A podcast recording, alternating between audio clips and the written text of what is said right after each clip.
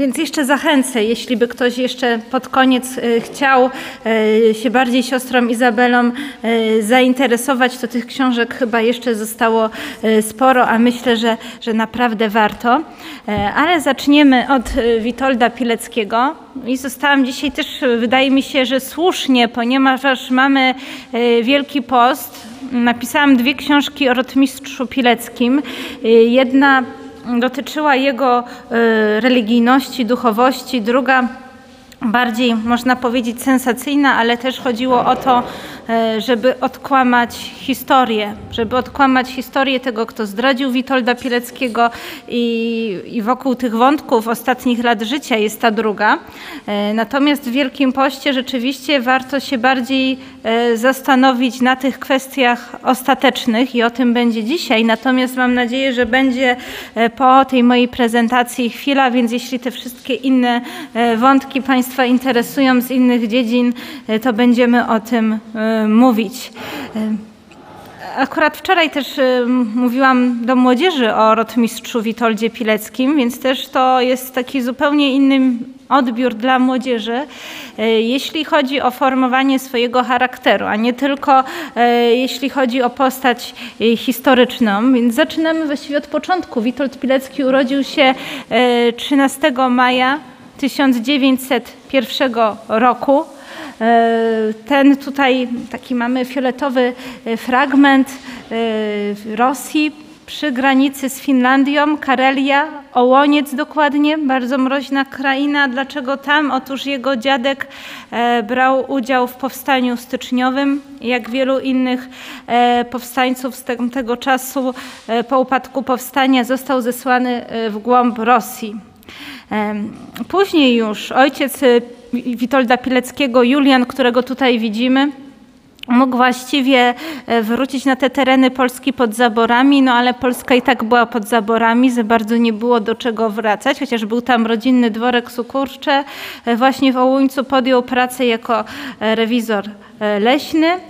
Mama Witolda Pileckiego, e, Ludwika, e, bardzo dbała o wychowanie dzieci. W sumie państwo Pileccy mieli e, pięcioro dzieci. Tutaj widzimy najstarszą Marię. Pomiędzy nią a Witoldem jeszcze był jeden chłopczyk, który niestety bardzo szybko umarł i potem jeszcze dwoje młodszego rodzeństwa, ale właściwie oprócz Witolda Maria jest taką postacią e, może najbardziej znaną z tego, że się zasłużyła dla polskiego bibliotekarstwa i też napisała e, taki swój pamiętnik, z którego też dużo wiemy o rodzinie. Na przykład ze wspomnień Witolda Pileckiego nie wiemy wiele jeśli chodzi o charakter ojca. On nigdy o ojcu źle nie mówił, e, a ze wspomnień jego siostry Marii wiemy, że ojciec miał trudny charakter. Potrafił być wybuchowy, e, potrafił wpadać w takie stany depresyjne. I to jest dla mnie fascynujące, że, że Witold Pilecki właśnie nie poszedł w te ślady. Ale jak zobaczymy, to on też sam bardzo długo nad tym pracował. E, ten krajobraz, gdzie oni się wychowali mm, w tej Karelii, bardzo mroźny klimat, e, trzy pory roku mroźna zima i właściwie nasze, nasze, nasz okres letni to tam trochę cieplej. E, msze były odprawiane potajemnie. Nie wolno tam było e, sprawować mszy świętych legalnie. Były odprawiane przez polskich księży, również zesłańców z czasów powstania styczniowego lub też późniejszych. Tutaj mamy cytat z, z, właśnie z jednego z Polaków, który w takich mszach wtedy, w tym czasie e, brał udział, że to właśnie przypominało takie e, katakumby e, pierwszych chrześcijan. Gdy przyszedł czas, jeśli chodzi o wybór edukacji dla dzieci, mama Ludwika stwierdziła, że wyjedzie sama z dziećmi do Wilna, tam też miała rodzinę. E, ojciec pozostał w Ołuńcu, żeby dalej zarabiać na rodzinę. E, I tam dzieci rozpoczęły edukację. Oczywiście ten początek edukacji to jeszcze dalej była Polska pod zaborami, ale w Wilnie działa nielegalne polskie e, harcerstwo. Tam Witold Pilecki się kształci, zdobywa pierwsze takie tajniki pracy konspiracyjnej, e, zaznajamia się również z polską kulturą, więc te harcerstwo e, bardzo go e, uformowało. I jeszcze jako właśnie harcerz, jego takie, takie jedno z takich wspomnień i wojskowych, i też religijnych, bardzo wzruszający. W kilku miejscach on o tym wspominał, między innymi jeden z jego kolegów z Auschwitz, Wincenty Gawron, mówił, że to było dla niego też, też duże przeżycie, kiedy strzegł ostrej bramy.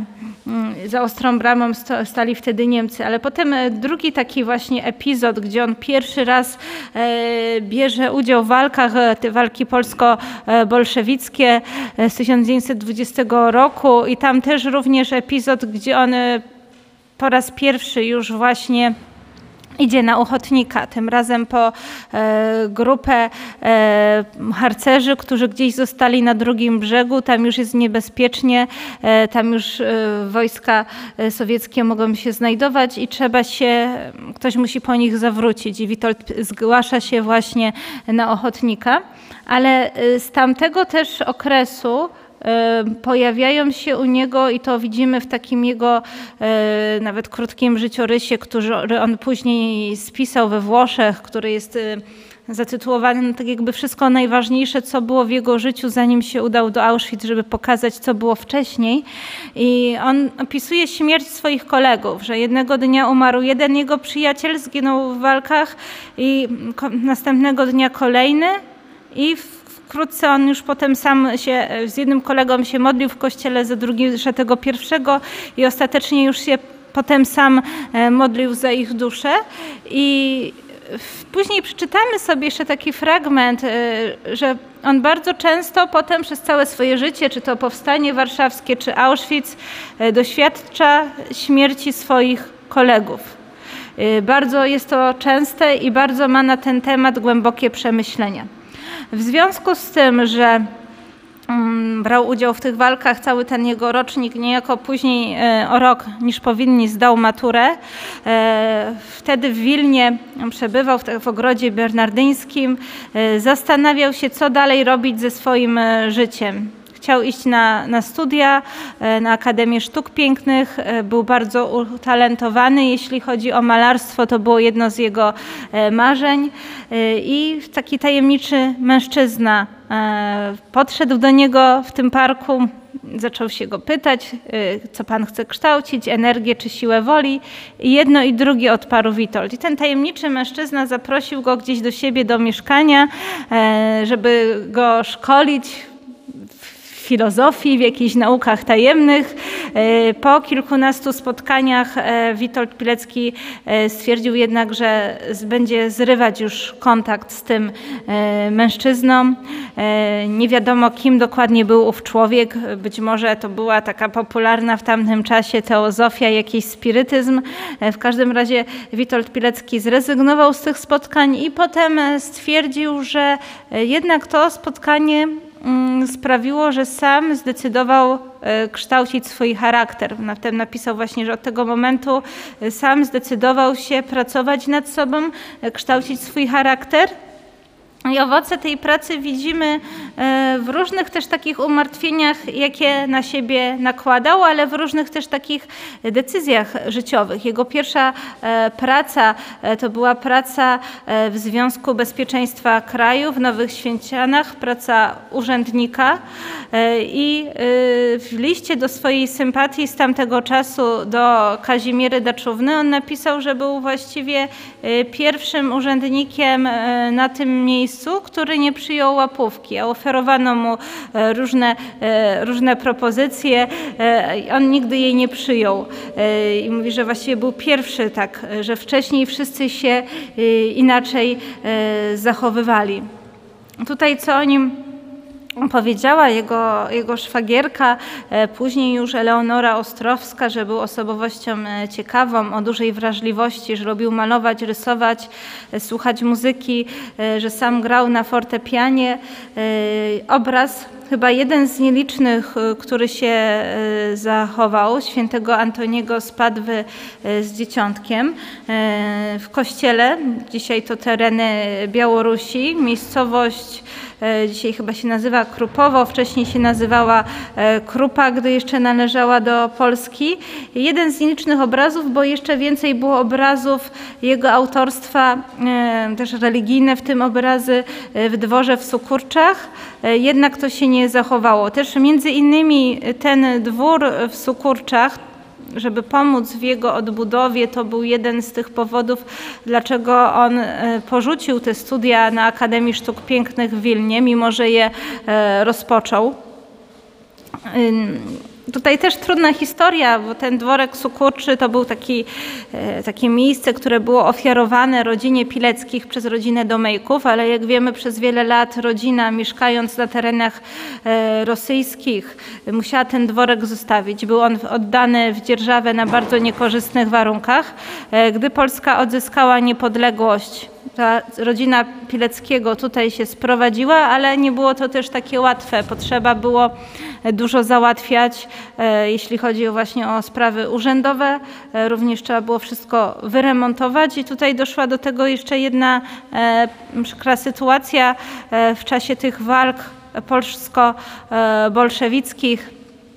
Na krótki czas kilka miesięcy za to, że był tak zwanym kułakiem, czyli cokolwiek posiadał. Ojciec e, Witolda Pileckiego e, trafił do więzienia i gdy wyszedł z więzienia, to właśnie był taki podłamany.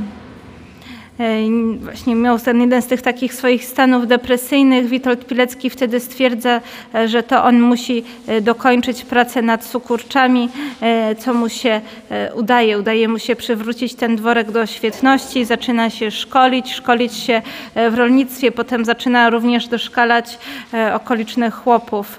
Mm. Zapewne Państwo wiedzą, bo gdy jestem w szkole, to zawsze e, pytam, co dzisiaj jest na tych terenach, więc młodzież niekoniecznie wie, ale wy pewnie wiecie, chyba że też niekoniecznie. E, ktoś wie, co dzisiaj się tam znajduje? E, no to właśnie młodzież zawsze odpowiada muzeum.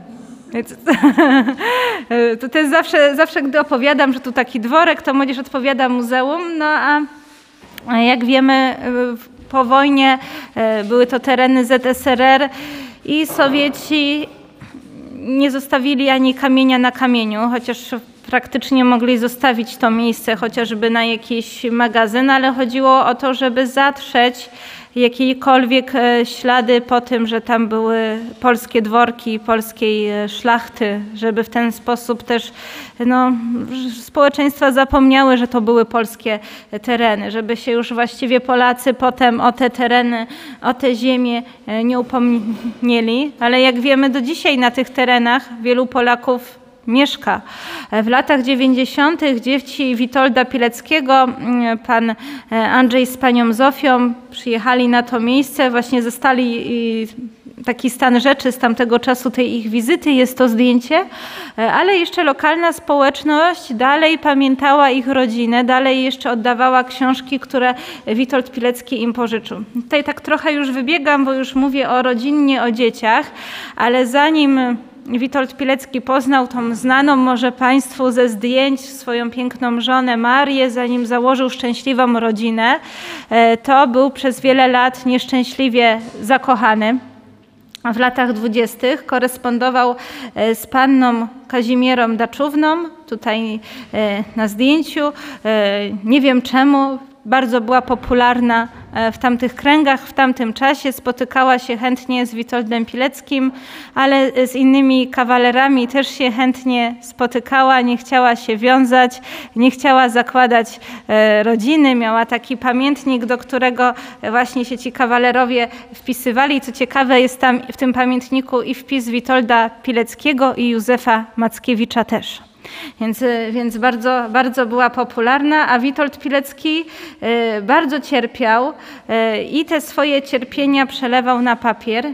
Nie chciała wyjść za niego za mąż, ale na szczęście zachowała wszystkie listy. Te listy gdzieś później zostały odnalezione na strychu. Notabene po tym takim okresie, gdzie ona w ogóle się z nikim nie chciała e, wiązać i Pileckiego odrzuciła, na końcu została żoną jakiegoś rzeźnika. E, taka, taka jej historia. E, I ja w tej książce, ci co z Państwa kupili Duchowość i charakter Witolda Pileckiego, tutaj również E, dzięki uprzejmości pana Krzysztofa Trackiego, który w swojej książce Młodość Witolda Pileckiego kilka fragmentów tych listów umieścił, ale jeszcze właśnie miał, miał więcej takich jak to, że trzeba to było z takiego e, jeszcze pisma odręcznego rozszyfrować. To kilka fragmentów, które z kolei mnie bardziej interesowały, jeśli chodzi o te relacje damsko-męskie i spojrzenie Pileckiego na rodzinę, umieszczam. I bardzo też są ciekawe tutaj fragmenty dotyczące takich jego głębokich przemyśleń. E, ponieważ e, tutaj akurat ten fragment to jest taki jego przemyślenia, nie, nie wiem ile to było prawdy, ile fikcji, ale on opisuje, że też po tej pracy, którą miał e, w Związku Bezpieczeństwa Kraju, przez jakiś czas pracował w okręgowym sądzie w Wilnie. To jest bardzo ciekawe, bo zanim sam był, jak wiecie, sądzony, to pracował w sądzie, na przykład przy takich sprawach jak fałszowanie dokumentów a potem się też przez całą konspirację e, fałszywymi dokumentami posługuje i ta praca w sądzie mu też pomogła, ale oprócz takich spraw jak badanie e, jakichś fałszywych dokumentów, też na jakiś czas w Wilnie badano sprawę nielegalnej prostytucji e, i przy badaniu tej sprawy Witold rozmawiał z różnymi kobietami lekkich obyczajów, się zastanawiając, co sprawiło, że one podejmują e, takie niemoralne życie. I te jego przemyślenia e, są takie e, bardzo głębokie. Nie mam tutaj teraz przy sobie książki, ale trochę tutaj rozszyfruję. Wiem tylko jedno i widzę to jasno, że człowiek, który postępuje źle, oszukuje przede wszystkim sam siebie, że na pewno nawet jeszcze w tym życiu będzie żałował tego, że takie pojęcie żyj i użyj świata jest mylne, bo poświęcenie całego życia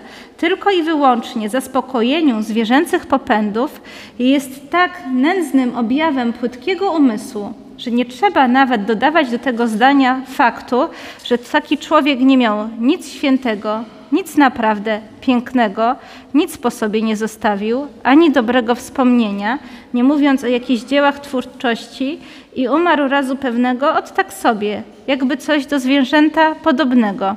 Gdy tymczasem każdy człowiek ma wokół siebie moc celi, celów ładnych. Więc tutaj takie bardzo, bardzo głębokie przemyślenia. Wydaje mi się, że na czasie, jeśli my zobaczymy, co dzisiaj jest e, w internecie promowane, no i nawet to idzie coraz dalej, jeśli zobaczymy różnych tych e, influencerów, co się młodzieży e, proponuje, to, to zwłaszcza ten cytat jest moim zdaniem bardzo aktualny. Mamy tutaj też w takie jego bardzo ciekawe rozmyślania.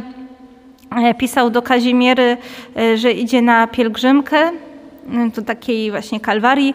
Y, pod, pod Wilnem taka była tam piękna mm, droga krzyżowa, potem również zniszczona przez komunistów, później odbudowana i Kazimiera pytała się go, jaka jest intencja tej pielgrzymki, w jakim celu on pielgrzymuje.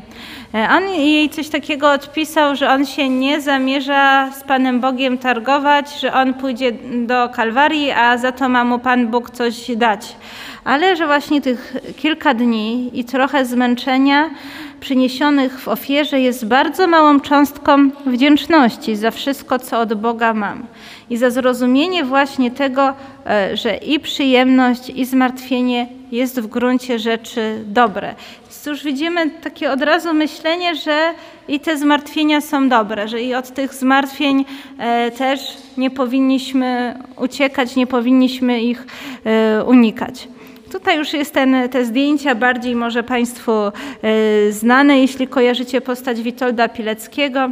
Mm, dzieci, e, dzieci Zofia i Andrzej żyją do dzisiaj. Każdy trochę inaczej pamięta te dzieciństwo, ale jest e, wiele takich wspólnych wspomnień, jak na przykład wyglądał poranek, kiedy, kiedy ojciec ich właśnie tak trochę po wojskowemu, można by dzisiaj powiedzieć, wychowywał, że mają wstać o ustalonej godzinie, e, pościelić łóżko, zdać meldunek z tego, czy łóżko pościelone, czy modlitwa odmówiona, czy zęby umyte i potem można zasiąść do śniadania, można sobie nałożyć tyle, ile się chce, ale już trzeba być konsekwentnym i to, co się nałożyło, trzeba spożyć. Dbał o ich kondycję fizyczną, o to, żeby się nie garbiły. Mm, czego no, no dzisiaj, yy, dzisiaj nam też jest trudno taki nawyk sobie wyrobić, ale właśnie pan Andrzej Pilecki już nawet w sile wieku przez to wychowanie chodzi wyprostowane i przede wszystkim o yy, taką religijność też i prawdomówność.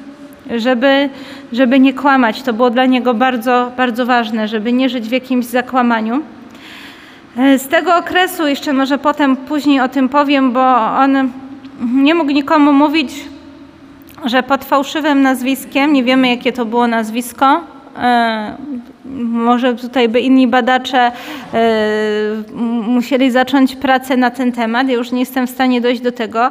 Przez jakiś czas, gdy jego sąsiadem w tamtych okolicach był Edward Ryc-Śmigły, on namówił e, Pileckiego do wstąpienia do tak zwanego drugiego oddziału wojska polskiego związanego z wywiadem i z kontrwywiadem. I tam Pilecki już przed wojną awansuje do stopnia kapitana ale na zewnątrz jest jako podporucznik rezerwy, więc ta lokalność, społeczność myśli, że jest podporucznikiem e, rezerwy, który szkoli taki lokalny oddział e, Krakusów przysposobienia obronnego, który również dba o lokalną społeczność pod tym względem, że organizuje e, mleczarnię, organizuje tutaj no, właściwie nawet ochotniczą straż pożarną, więc był bardzo do tej lokalnej społeczności zasłużony, ale nie wiedzą o tej jego E, pracy dodatkowej. E, za te działania on już jest kapitanem, ale na wojnę wyrusza jako podporucznik.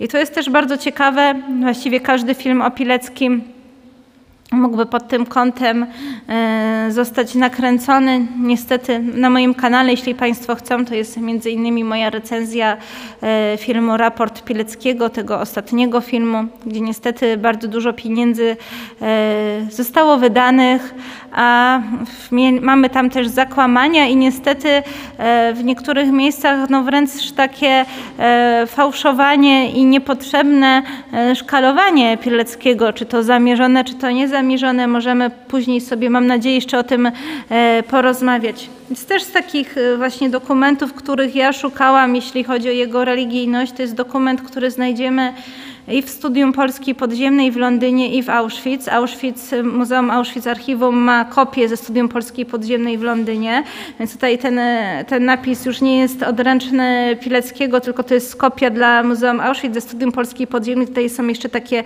takie oryginalne napisy, właśnie charakterystyczny styl pisania Pileckiego, ale, ale rzeczywiście tak e, Witold Pilecki zrobił taki dopisek do swojego życiorysu że Witold modli, e, on ten życiorys sam o sobie pisał tak właśnie w trzeciej osobie.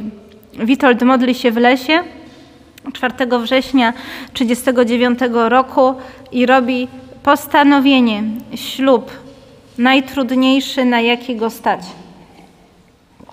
Myślę, że warto to przytoczyć, bo potem e, bardzo często gdy już w tej działalności po 1946 roku, e, czy to gdy na przykład zakazano mu brać udział w powstaniu warszawskim, czy potem już e, nawet proszono go, żeby zakończył swoją działalność, to on zawsze twierdził, że nie może ze względu na złożony ślub. Nie wiemy, czy chodziło o ten prywatny ślub z tamtego czasu, czy o te ślubowania, które w każdej organizacji składał, gdy ona powstawała. W każdym razie e, czuł się właśnie tymi słowami e, bardzo zobowiązany.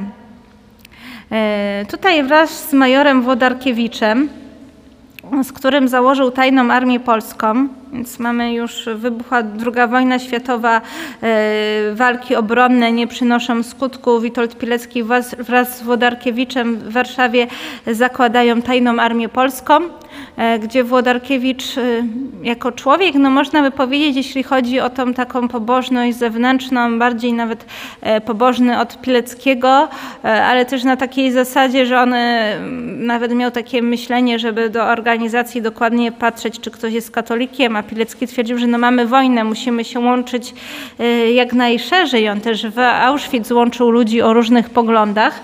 E, natomiast Wodarkiewicz, no i tak jak tutaj widzimy, no mimo tego, żeby łączyć ludzi do walki z Niemcami, e, była to też działalność ideowa. Wodarkiewicz redagował pismo podziemne Znak.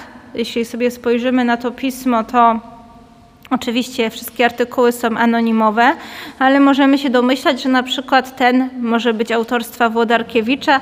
Dlaczego akurat przytaczam ten cytat? Bo ten cytat został też przytoczony przez Jacka Fairweathera, e, Amerykanina, który współpracując z Polskim Instytutem Pileckiego e, napisał książkę De Volunteer, Ochotnik, e, no, na którą niestety też poszły duże środki z naszego budżetu. I ta książka, mimo że no, miała właśnie prezentować postać Pileckiego na Zachodzie, mimo że e, w wielu wątkach bardzo cenna, no to co jakiś czas ma taki smaczek, że tutaj rzekomo Polacy mordowali Żydów w Powstaniu Warszawskim. Książka w ogóle się nie zaczyna od tego, że Polska była pod zaborami, że rodzina Pileckiego zesłana w głąb Rosji, tylko książka się zaczyna od tego, że e, że tutaj Polacy rzucają kamieniami e, w żydowskie sklepy tam w tej, w tej, podczas już dwudziestolecia międzywojennego. Więc jakby wszyscy Polacy antysemici, tylko Pilecki w miarę taki e, porządny z tej, jest tej książki. I jest też ten sam cytat, więc widzimy, że autor mając e, wiele osób wokół siebie, które dla niego szukały dokumentów, trafił nawet do takiej prasy z czasów II wojny światowej. I ten sam cytat on interpretuje, że w takim razie, skoro Włodarkiewicz napisał, że Polska musi stać się państwem chrześcijańskim, to Włodarkiewicz musiał być antysemitą, bo twierdził, że w takim razie nie ma miejsca dla Żydów w Polsce. No nic takiego nie twierdził, tylko właśnie tam pisał dalej w tym artykule, że z jednej strony e, naciera na Polskę ateizm z Rosji, z drugiej strony e, neopogaństwo, bo tym się e, Niemcy hitlerowskie inspirowali, neopogaństwo ze strony Niemiec i też nie chodzi tutaj tylko o taką walkę fizyczną, ale o walkę moralną i dlatego tutaj ta, tą ideą naczelną musi być ta etyka chrześcijańska. O to chodziło. No i też stąd właśnie wraz z tą etyką organizacje, które w Polsce ratowały Żydów. A y, niestety widzimy, jaki tutaj nawet w takich szczegółach jest, jest zakłamanie.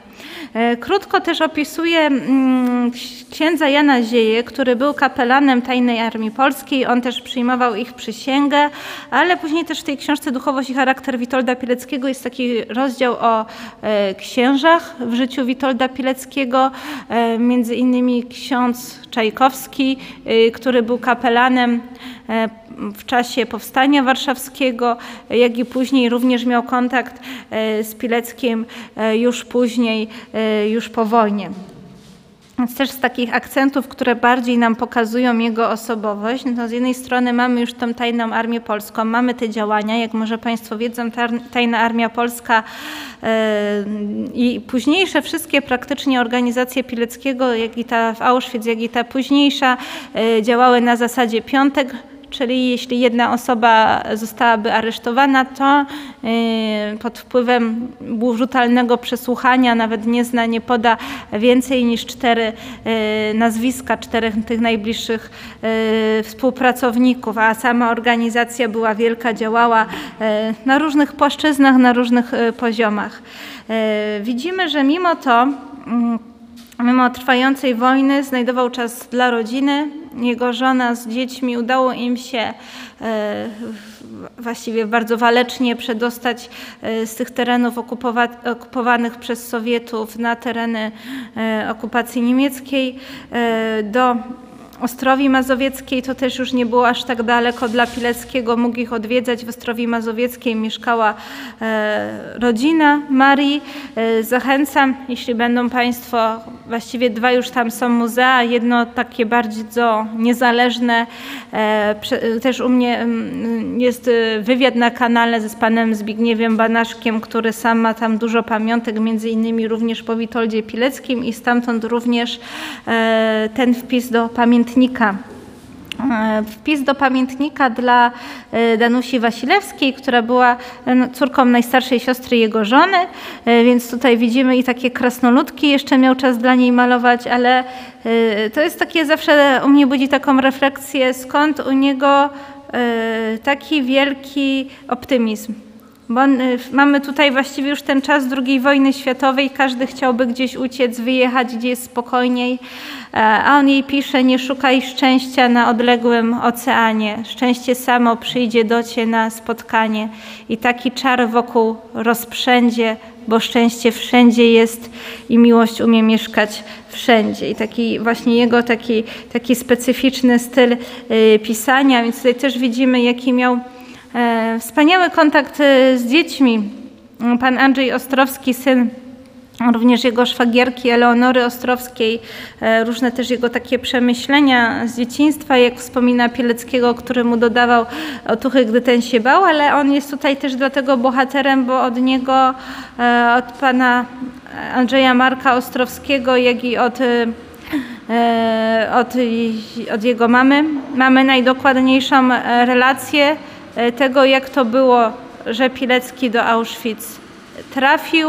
E, tutaj, jeśli jestem w szkole, to dokładniej omawiamy cały ten wątek i 14 czerwca i pierwszego e, transportu Polaków do Auschwitz, bo nie zawsze dzisiaj młodzież, nawet taka, e, która była na, na zwiedzaniu Muzeum Auschwitz-Birkenau, wie, że pierwsi więźniowie to byli Polacy. Nie zawsze mówi im się o, o Pileckim czy o innych polskich więźniach, a mam nadzieję, że Państwu już jest jakby, jak najbardziej ten temat znany, skoro tutaj e, jesteście.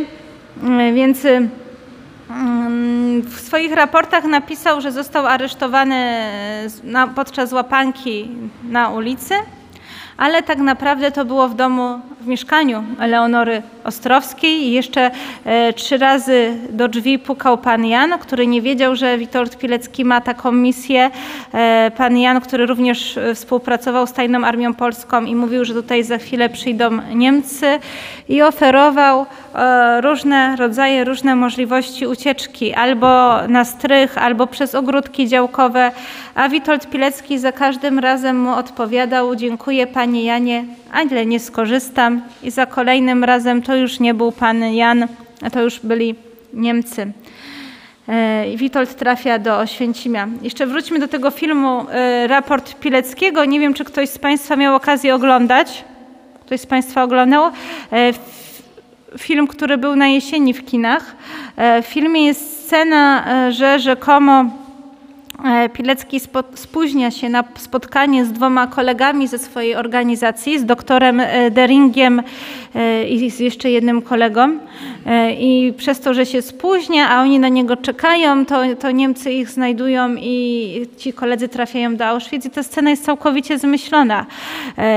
Czegoś takiego nie było. I jakby ten film też przez to sugeruje, że Witold się czuł odpowiedzialny za to, że oni trafili do Auschwitz, bo on się spóźnił i że dlatego się zgłosił zgłosił na tą misję, a nic takiego, e, nic takiego nie było.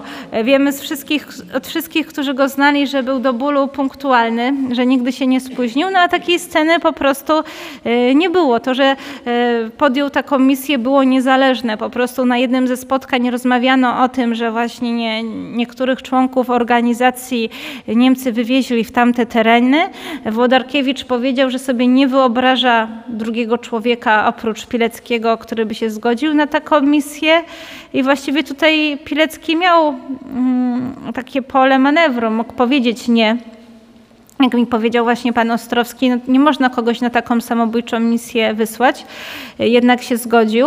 W swoich też wspomnieniach pisze, że jednak rzeczywiście się tego obawiał, nie skorzystał z pierwszej możliwości, którą miał, dopiero właśnie e, był już zdeterminowany za tym, za tym drugim razem. Miał e, fałszywe nazwisko, fałszywe papiery na nazwisko Tomasz Serafiński, co też jest bardzo ciekawą historią. E, dlaczego tutaj ten cytat umieszczam? To jest 1924 rok, jeszcze z tych listów, które się zachowały, gdy pisywał do panny Kazimiery Daczówny. 16 lat przed tym, zanim trafił do Auschwitz, już takie przemyślenia napisał wtedy, jeśli bym nawet nie miał kawałka chleba raptem od tak, bo się Bozi tak zechciało, to bym i wtedy pewności siebie nie stracił. 16 lat przed, przed udaniem się do Auschwitz, już, już takie przemyślenia.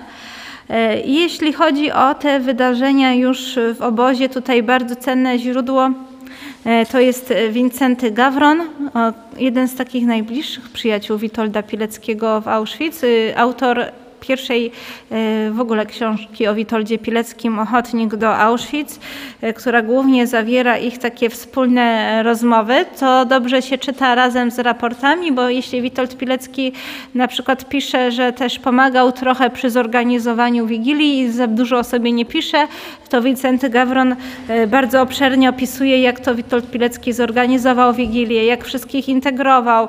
W ogóle bardzo ciekawa też historia, jak oni się poznali, gdzie nawet on w pewnym momencie się zastanawiał, czy Pielecki nie jest y, księdzem. E, bardzo dużo ciekawych wątków, jeśli chodzi tutaj o pana Gawrona. I tak Pielecki też e, organizował nielegalne msze święte. Tutaj chyba akurat nie, nie wiemy, ale raczej nie z ojcem Maksymilianem Kolbe, ale ojciec Maksymilian jest tam troszeczkę. Jest, jed, jest tylko w tym raporcie z 1943 roku e, właśnie ta scena gdy zgłosił się na ochotnika, e, na tą karę śmierci w zamian za e, gajowniczka.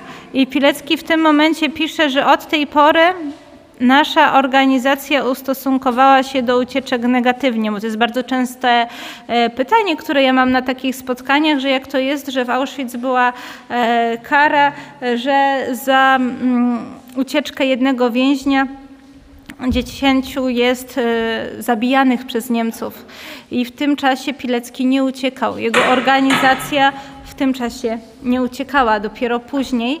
I też właściwie film, ten raport Pileckiego to pokazuje w, tym, w ten sposób, że jest ta informacja o tej karze e, dla dziesięciu więźniów, a zaraz potem jest scena ucieczki Pileckiego, więc sobie ktoś to może skojarzyć, że on przez swoją ucieczkę był odpowiedzialny za śmierć innych dziesięciu, a tak nie było, więc kolejny, kolejny niestety błąd Y, tego, tego filmu. W ogóle jeśli my się przyjrzymy samym raportom i też ten film tego tak nawet nie przedstawia, y, to widzimy wiele takich y, wątków, które pokazują jego taką wielką miłość bliźniego. Jest taka scena, gdzie on miał większą gorączkę niż zwykle, był bardzo chory. Do tego Niemcy zarządzili odwszawianie, więc byli przez całą noc w takim pomieszczeniu, gdzie było bardzo parno, tam byli nago. Jeszcze e, rano ich e, później już się dopiero ubrali, ale i tak musieli jeszcze być wiele godzin na apelu. On miał większą gorączkę, był chory, ale na tym apelu jeszcze dał swój płaszcz koledze, który również był chory. Czy też ta scena, gdy był przydzielony do pracy w tak zwanej e, Kanadzie, gdzie segregowano e, rzeczy z transportu więźniów i wielu więźniów przywłaszczało sobie e, czy to jakiś kawałek złota, czy to jakiś pierścionek złoty, który znaleźli i Witold stwierdził, no to właściwie to jest własność już niczyja, ale on by sobie tego nie potrafił przywłaszczyć. No, czułby się, że jednak coś robi nie tak, że spada z jakiejś wyżyn, na które się wspiął. E, ciekawe też Witold Pilecki został opisany e, przez Tadeusza Pietrzykowskiego, boksera z Auschwitz. Tutaj znowu e, w filmie o Pietrzykowskim, który jednak oceniam o wiele wyżej niż ten film ostatni o, o Pileckim. No, nie ma też tam wątku niestety ani Maksymiliana Kolbego, ani Pileckiego, a to były takie dwie postacie bardzo ważne dla Pietrzykowskiego. Dlatego jeśli Państwo mają możliwość, to też zachęcam do tego, żeby sięgnąć po wspomnienia Pietrzykowskiego, które dopiero właśnie razem z tym filmem, więc dopiero to było chyba trzy lata temu, się ukazały również pod tytułem Mistrz, ale też na okładce książki jest y, plakat filmu, ale zupełnie jest inna treść niż w filmie, co ciekawe.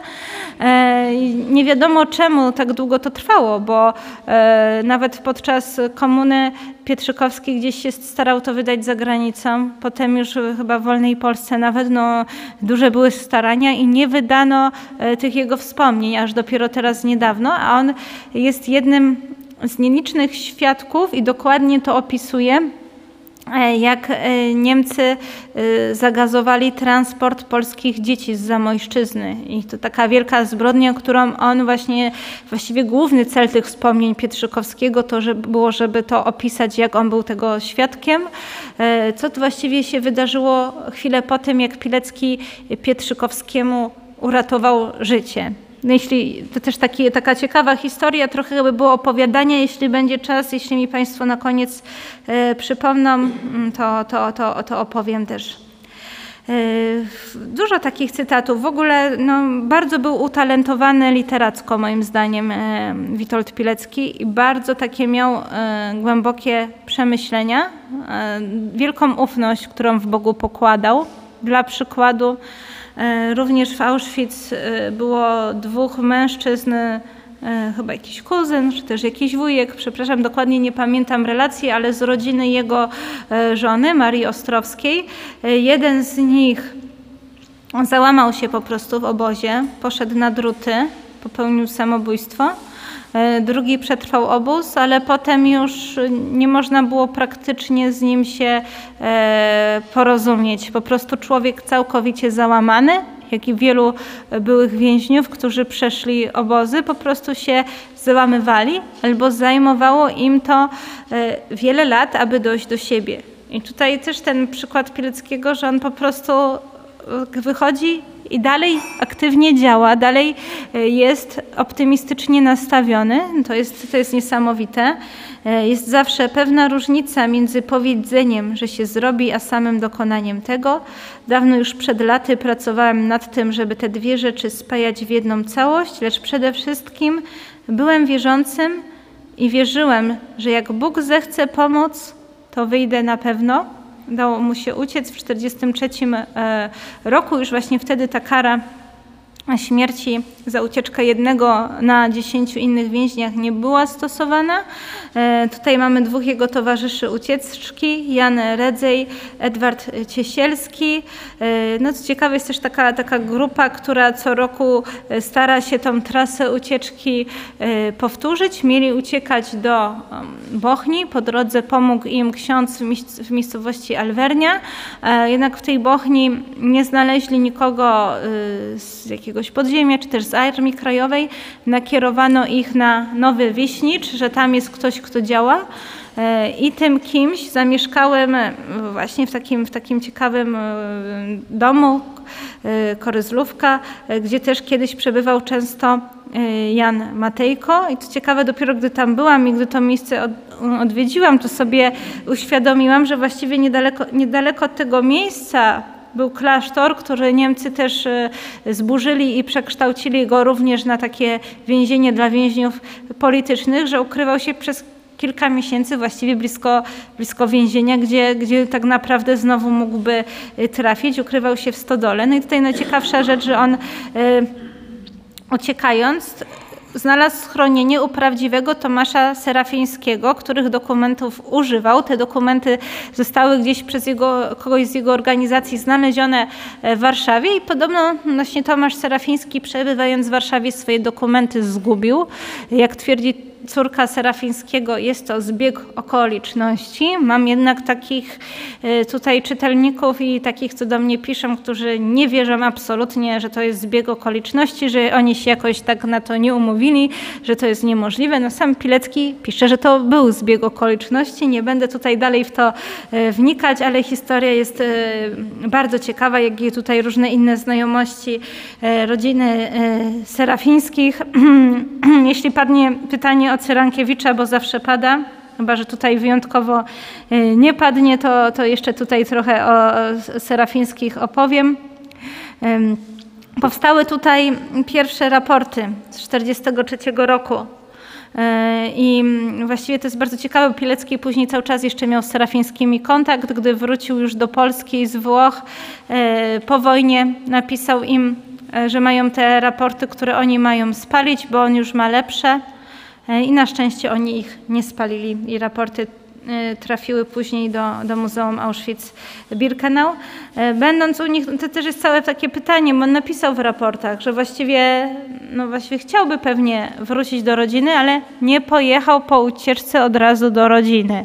Nie dlatego, jak to niektórzy sugerują, żeby miał jakiś zły kontakt z rodziną, ale to, czego on doświadczał w Auschwitz, tego jak Polacy tam giną, ludzie tam giną. Po prostu jego misją było e, nawiązanie kontaktu z Armią Krajową, namówienie jakoś e, tego dowództwa na to, żeby e, odbić obóz Auschwitz, na to, żeby jakoś uratować i wyzwolić tych wszystkich ludzi. I dopiero po kilku miesiącach, gdy wiedział, że to się nie uda, wyjechał stamtąd do Warszawy. E, z tamtego miejsca, gdy tam był, wysyłał jeszcze takie e, bardzo optymistyczne, zabawne listy do swojego syna, do swojej córki, e, list i taki rysunek dla swojej chrześnicy Zosi Serafin. Właściwie nawet nie wiedział, czy ten list dojdzie, ale tutaj widzimy, że, że, że też potrafił o takich rzeczach cały czas pamiętać. Tutaj już później E, relacja porucznika Zbigniewa Bryma, e, który z nim walczył w Powstaniu Warszawskim, czy się czymś wyróżniał, czy robił wrażenie kogoś wybitnego, nie, robił wrażenie kogoś zupełnie przeciętnego. To jest bardzo ciekawe, bo podobnych relacji jest bardzo wiele. Że był człowiekiem małomównym, e, introwertycznym, za to bardzo pomocnym, skromnym, cichym, punktualnym. Potem, jak już trafił do Warszawy, on się już właściwie hmm, dowiedział, dowiedział się, że został e, awansowany najpierw jeszcze w czasie, jak był w Auschwitz, został awansowany na porucznika. E, po, po tym, jak wyszedł, dowiedział się, że został awansowany na rotmistrza. Dlaczego na rotmistrza? No bo na wojnę wyruszył jako kawalerzysta. Rotmistrz to był odpowiednik e, kapitana, ale w kawalerii. Później właśnie zobaczymy tutaj te, takie pismo, gdzie on mówi, że od trzech gwiazdek kapitana w 1938 roku do takich samych trzech gwiazdek rotmistrza w 1943 roku długą i ostatecznie trudną przebyłem drogę, a w Powstaniu Warszawskim właściwie też mógł awansować, ale cały czas ginęli jego dowódcy. Więc jakbyśmy prześledzili jego karierę wojskową tak normalnie, to powinien wojnę kończyć co najmniej e, ze stopniem e, majora, chyba że jeszcze by miał e, jakieś awanse w powstaniu warszawskim, a, a, a zakończył ją w stopniu rotmistrza i tutaj kończy ten tekst, że no właściwie nic się, nic się nie stało, bo przed wojną nie pracowałem na korzyść mojego nazwiska. Chociaż w powstaniu warszawskim on miał, jak może pewnie Państwo wiedzą, zakaz brania udziału jako członek organizacji nie organizacja nie, która miała zajmować się e, tym, e, co dalej robić w Polsce, jeśli wojna się skończy, a władzę przejmą Sowieci i ponieważ ci ludzie byli potrzebni na czas powojenny, mieli zakaz brania udziału w powstaniu warszawskim. Ale tak się tutaj możemy to różnie oceniać, możemy sobie potem porozmawiać, bo na przykład y, właśnie ten pan Ostrowski mówi, że on sobie nie wyobraża, żeby jego wujek, jak było powstanie, gdzieś się schował w piwnicy z kobietami i nie poszedł walczyć.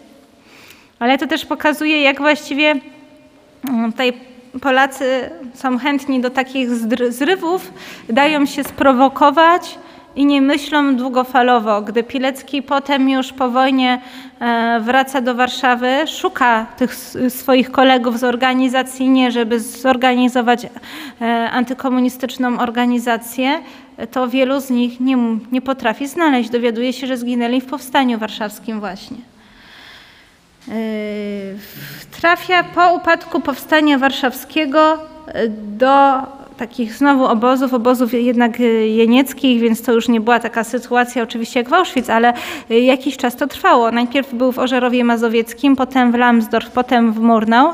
Y, później, tak jak inni polscy żołnierze, którzy tą drogę przeszli, między innymi Jan Mierzanowski. W książce też umieszczam e, z późniejszego okresu e, listy pana Mierzanowskiego do Zbigniewa Rutkowskiego, gdzie on swoje e, wspomnienia o Pileckim opisuje.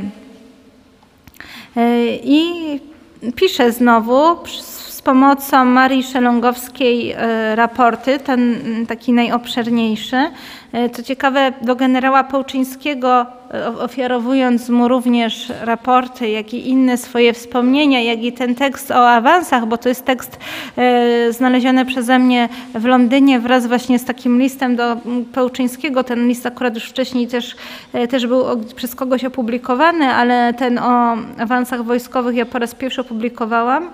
E, że proponowano mu interes handlowy, żeby te wspomnienia wydał za grube dorale w Ameryce, ale on się na razie nie zdecydował ze względu na przykrość, jaką bym czuł, e, sprzedając to za pieniądze takie fragmenty, bo kiedyś też mnie poproszono, żeby tak właśnie zrobić bardziej o, e, o duchowości też w czasie e, Wielkiego Postu. Jak wiemy, Pilecki czytał książkę o naśladowaniu Chrystusa. Czasami się mnie ktoś pyta o inne książki religijne. Tutaj, mimo że pytałam o rodzinę, to oprócz naśladowania Chrystusa nie wiemy zbyt wiele. E, ale właśnie tutaj też mamy w naśladowaniu Chrystusa takie, takie fragmenty, stawiaj się zawsze na najniższym miejscu, a otrzymasz najwyższe, gdyż najwyższe wznosi się na najniższym. Ci, którzy wszystko przypisują Bogu, cokolwiek dobrego otrzymali, nie szukają wzajemnych pochwał, lecz chcą tej chwały, która od Boga samego e, pochodzi. E, ciekawy jeszcze też opis mm, przez pana Mirzanowskiego, który ja przytaczam, scena z Włoch, gdy poszli do e, ogrodu y, zoologicznego. Załatwiali wtedy y, powrót Pileckiego do Polski. Mm, tutaj to jest bardzo ciekawe, bo to nie jest tak, że każdy y, z tych wojskowych, którzy po którzy po wojnie trafili do Włoch, że oni chcieli od razu do Polski wracać. To nie było dla wszystkich wcale takie e, oczywiste, a Pilecki od razu chciał wracać do Polski. E, większość oficerów wiedziała, że jeśli trafią do Polski, to tam zapewne mogą e, znowu zostać aresztowani lub w jakiś sposób szykanowani. I oni po prostu starali się poprzez kurierów e, w jakiś sposób sprowadzić swoje żony i dzieci do Polski. Tutaj też ciekawy wątek w tej książce, kto zdradził Pileckiego, ja o tym piszę. Johann Lehenich, jeden z kapo w Auschwitz, czyli tych więźniów funkcyjnych Niemców, e, zaprzyjaźnił się w pewnym momencie z tą organizacją Pileckiego. E, uciekł z Auschwitz z dwoma Polakami, jako Niemiec był w trudnym położeniu. Polacy jeszcze być może mu nie do końca ufali, ale no do Niemców już się nie mógł zwrócić. Zaczął e, po prostu się e, z Armią Krajową walczyć przeciwko Niemcom, także nawet otrzymał Virtuti Militari i Pilecki był bardzo zdziwiony. We Włoszech nagle w drugim korpusie spotykając e, swojego byłego kapo z Auschwitz w polskim mundurze z orzełkiem z Virtuti Militari. Wydał mu jednak o nim dobrą opinię tenże Johann Lehenich od razu dostał od różnych polskich oficerów dolary i zadanie, żeby jechać do Polski. On udawał Amerykanina z tej organizacji UNRWA, która przywoziła do Polski e, taką pomoc powojenną, paczki czy też leki i on udawał, że jedzie z tą UNRWą, a naprawdę miał za zadanie e, przywieźć różne właśnie osoby, nielegalnie przewieźć z Polski i on też przewiózł e, do Polski Bolesława Niewiarowskiego, Marię Szelongowską i Witolda Pileckiego, ale jeszcze jest ciekawa scena wcześniej, zanim Pilecki wyruszył e, w tym ogrodzie botanicznym. E, zagadał się ze swoim kolegą e, i trzymał się kraty, w której były orły i nagle jeden orzeł zleciał i bardzo mocno wbił mu się dziobem w palec. I mm, właśnie ten jego kolega za nie mówił. Bał się, że wystarczy jeden gwałtowny ruch, a Pilecki mógłby stracić no właściwie może palec czy też całą rękę, e, a Pilecki był bardzo spokojny, po prostu czekał aż ten ptak odleci, musieli potem pojechać na pogotowie, ale nic wielkiego się nie stało i Mirzanowski mówi, że nie zna drugiego człowieka, który w takiej sytuacji w ogóle nie wrzasnął, że, że zachował spokój, że w ogóle po nim nie było widać e, tego bólu. Mówi, że właśnie, że właśnie taki był Witold, że w ten sposób on działał. Witold Pilecki e, wrócił do Polski e, pod koniec 1945 roku i mamy początek 1946 roku. E, rozpoczyna tę swoją antykomunistyczną organizację, która nie miała żadnej nazwy, w odróżnieniu od na przykład Zrzeszenia Wolność i Niezawisłość e, czy innych podobnych organizacji. Taki miał cel, żeby nie mieć oficjalnej prasy podziemnej, żeby nie mieć oficjalnej nazwy, e, co przez długi czas się sprawdzało, bo te organizacje, które miały jakąś nazwę, jakąś swoją oznaczoną prasę podziemną, o wiele łatwiejszym były celem, jeśli chodzi o aresztowanie. E, w tym Muzeum w Ostrowi Mazowieckiej znajduje się też e, replika ryngrafu na którym mamy wizerunek Matki Bożej e, Ostrąbramskiej na tle orła w koronie. Symbol błogosławieństwa na szczęśliwą walkę kochanej Marysience w dowód uznania jej walki o szczęście rodziny. No ja wiem, przez długi czas byli w rozłące. Po wojnie zamieszkał w Warszawie. Maria mieszkała w Ostrowi Mazowieckiej. Co jakiś czas do niego przyjeżdżała albo on do niej, ale dla zachowania konspiracji ona na przykład jak byli gdzieś w sklepie, to udawała jego y, kuzynkę. Takie też informacje mamy. E, oprócz tej jego właśnie takiej ścisłej działalności konspiracyjnej miał też częste kontakty e, z księdzem Antonim e, Czajkowskim. Spotykali się na terenie szpitala Dzieciątka Jezus w Warszawie. Ksiądz Czajkowski też miał kontakty z innymi organizacjami konspiracyjnymi i dlatego też w aktach Pileckiego między innymi znajdujemy mm, gazetkę Walka którą e, ksiądz Czajkowski Pileckiemu podarował, więc bardzo też jest ciekawe prześledzenie tej prasy podziemnej e, z tamtego czasu.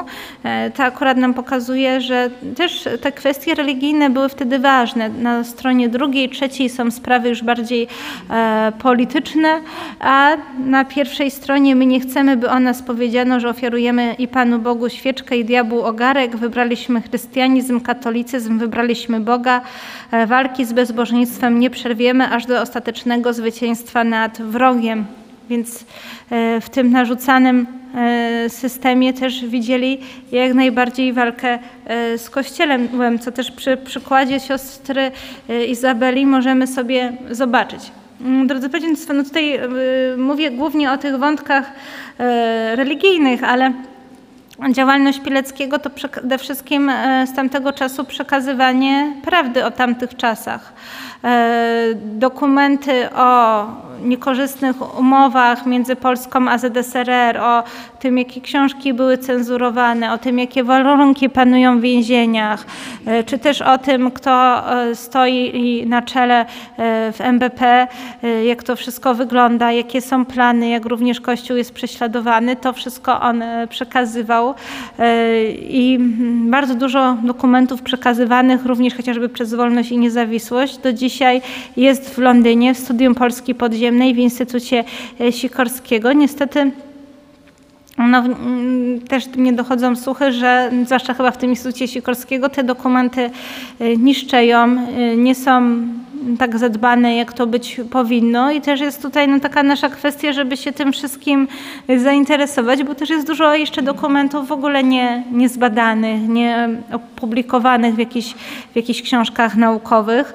E, niestety, jeśli mamy młodych ludzi, którzy studiują historię, to ich wykładowcy ich w kierunku tego tematu raczej nie kierują.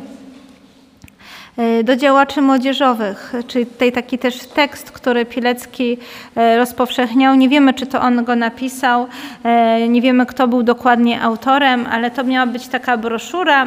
W książkach i w jednej i drugiej tych o Pileckim, oprócz tego tekstu ja umieszczam jeszcze jeden tekst, który był w archiwach Zagadnienie młodego pokolenia Polski, czyli przez, przez kogoś z grupy Pileckiego była czyniona taka ankieta do młodzieży i tam były różne różne, pytania, jak oni rozumieją właśnie swoją przyszłość, jak rozumieją i, i, i, i ta ankieta i również odbiór tego tekstu e, pokazywały, że nawet to już takie te pierwsze zmiany, ten nowy system edukacji powojennej e, bardzo zmienił podejście młodych Polaków, że to już nie byli tacy ludzie, którzy byli zdolni do poświęceń jak w Powstaniu Warszawskim, więc też jeden z tych celów Pileckiego e, to, była, to było ich formowanie.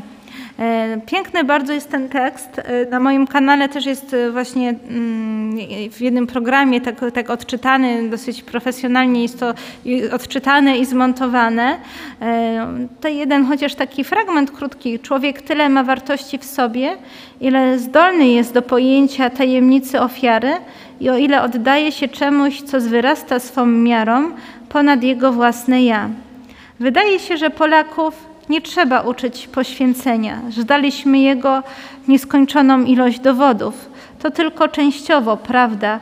Życie dajemy chętnie w ofierze, lecz brak nam tej samej ofiarności tam, gdzie mamy w drobnej sprawie ustąpić zajmowanego stanowiska dla ogólnej zgody lub wytrwać w bezwzględnej uczciwości w stosunku do społeczeństwa w szarym, codziennym trudzie, nawet wtedy, gdy ta właśnie uczciwość ogranicza nas w wyborze środków walki o życie. Ideałem niedoścignionym ofiary jest Chrystus, a krzyż symbolem poświęcenia i miłości. Dlatego Chrystus jest dla nas mistrzem i nauczycielem zbiorowego życia. Im więcej z Jego ducha w nas, tym lepsza społeczność, w której żyjemy. Jest e, taki, taki cały, ten tekst jest w takim duchu, natomiast e, funkcjonariusz Urzędu Bezpieczeństwa Eugeniusz Himczak z pochodzenia Ukrainiec zanotował, że to jest tekst, który nawołuje młodzież do zamachów antypaństwowych. Też w ten sposób ten tekst został już w akcie oskarżenia grupy Pileckiego przedstawiony. W dokumentach IPN-u też się znalazła taka zaszyfrowana wiadomość. To była e, jedna z ostatnich e, wiadomości, jakie kurier e, Kuczyński miał to dostarczyć Pileckiemu, ale nie potrafił już go znaleźć. Został ostatecznie sam aresztowany. Ten szyfr przechowywała Barbara Otwinowska, która potem też została aresztowana. Notabene właśnie ta Barbara Otwinowska, która przechowywała ten dokument i została aresztowana.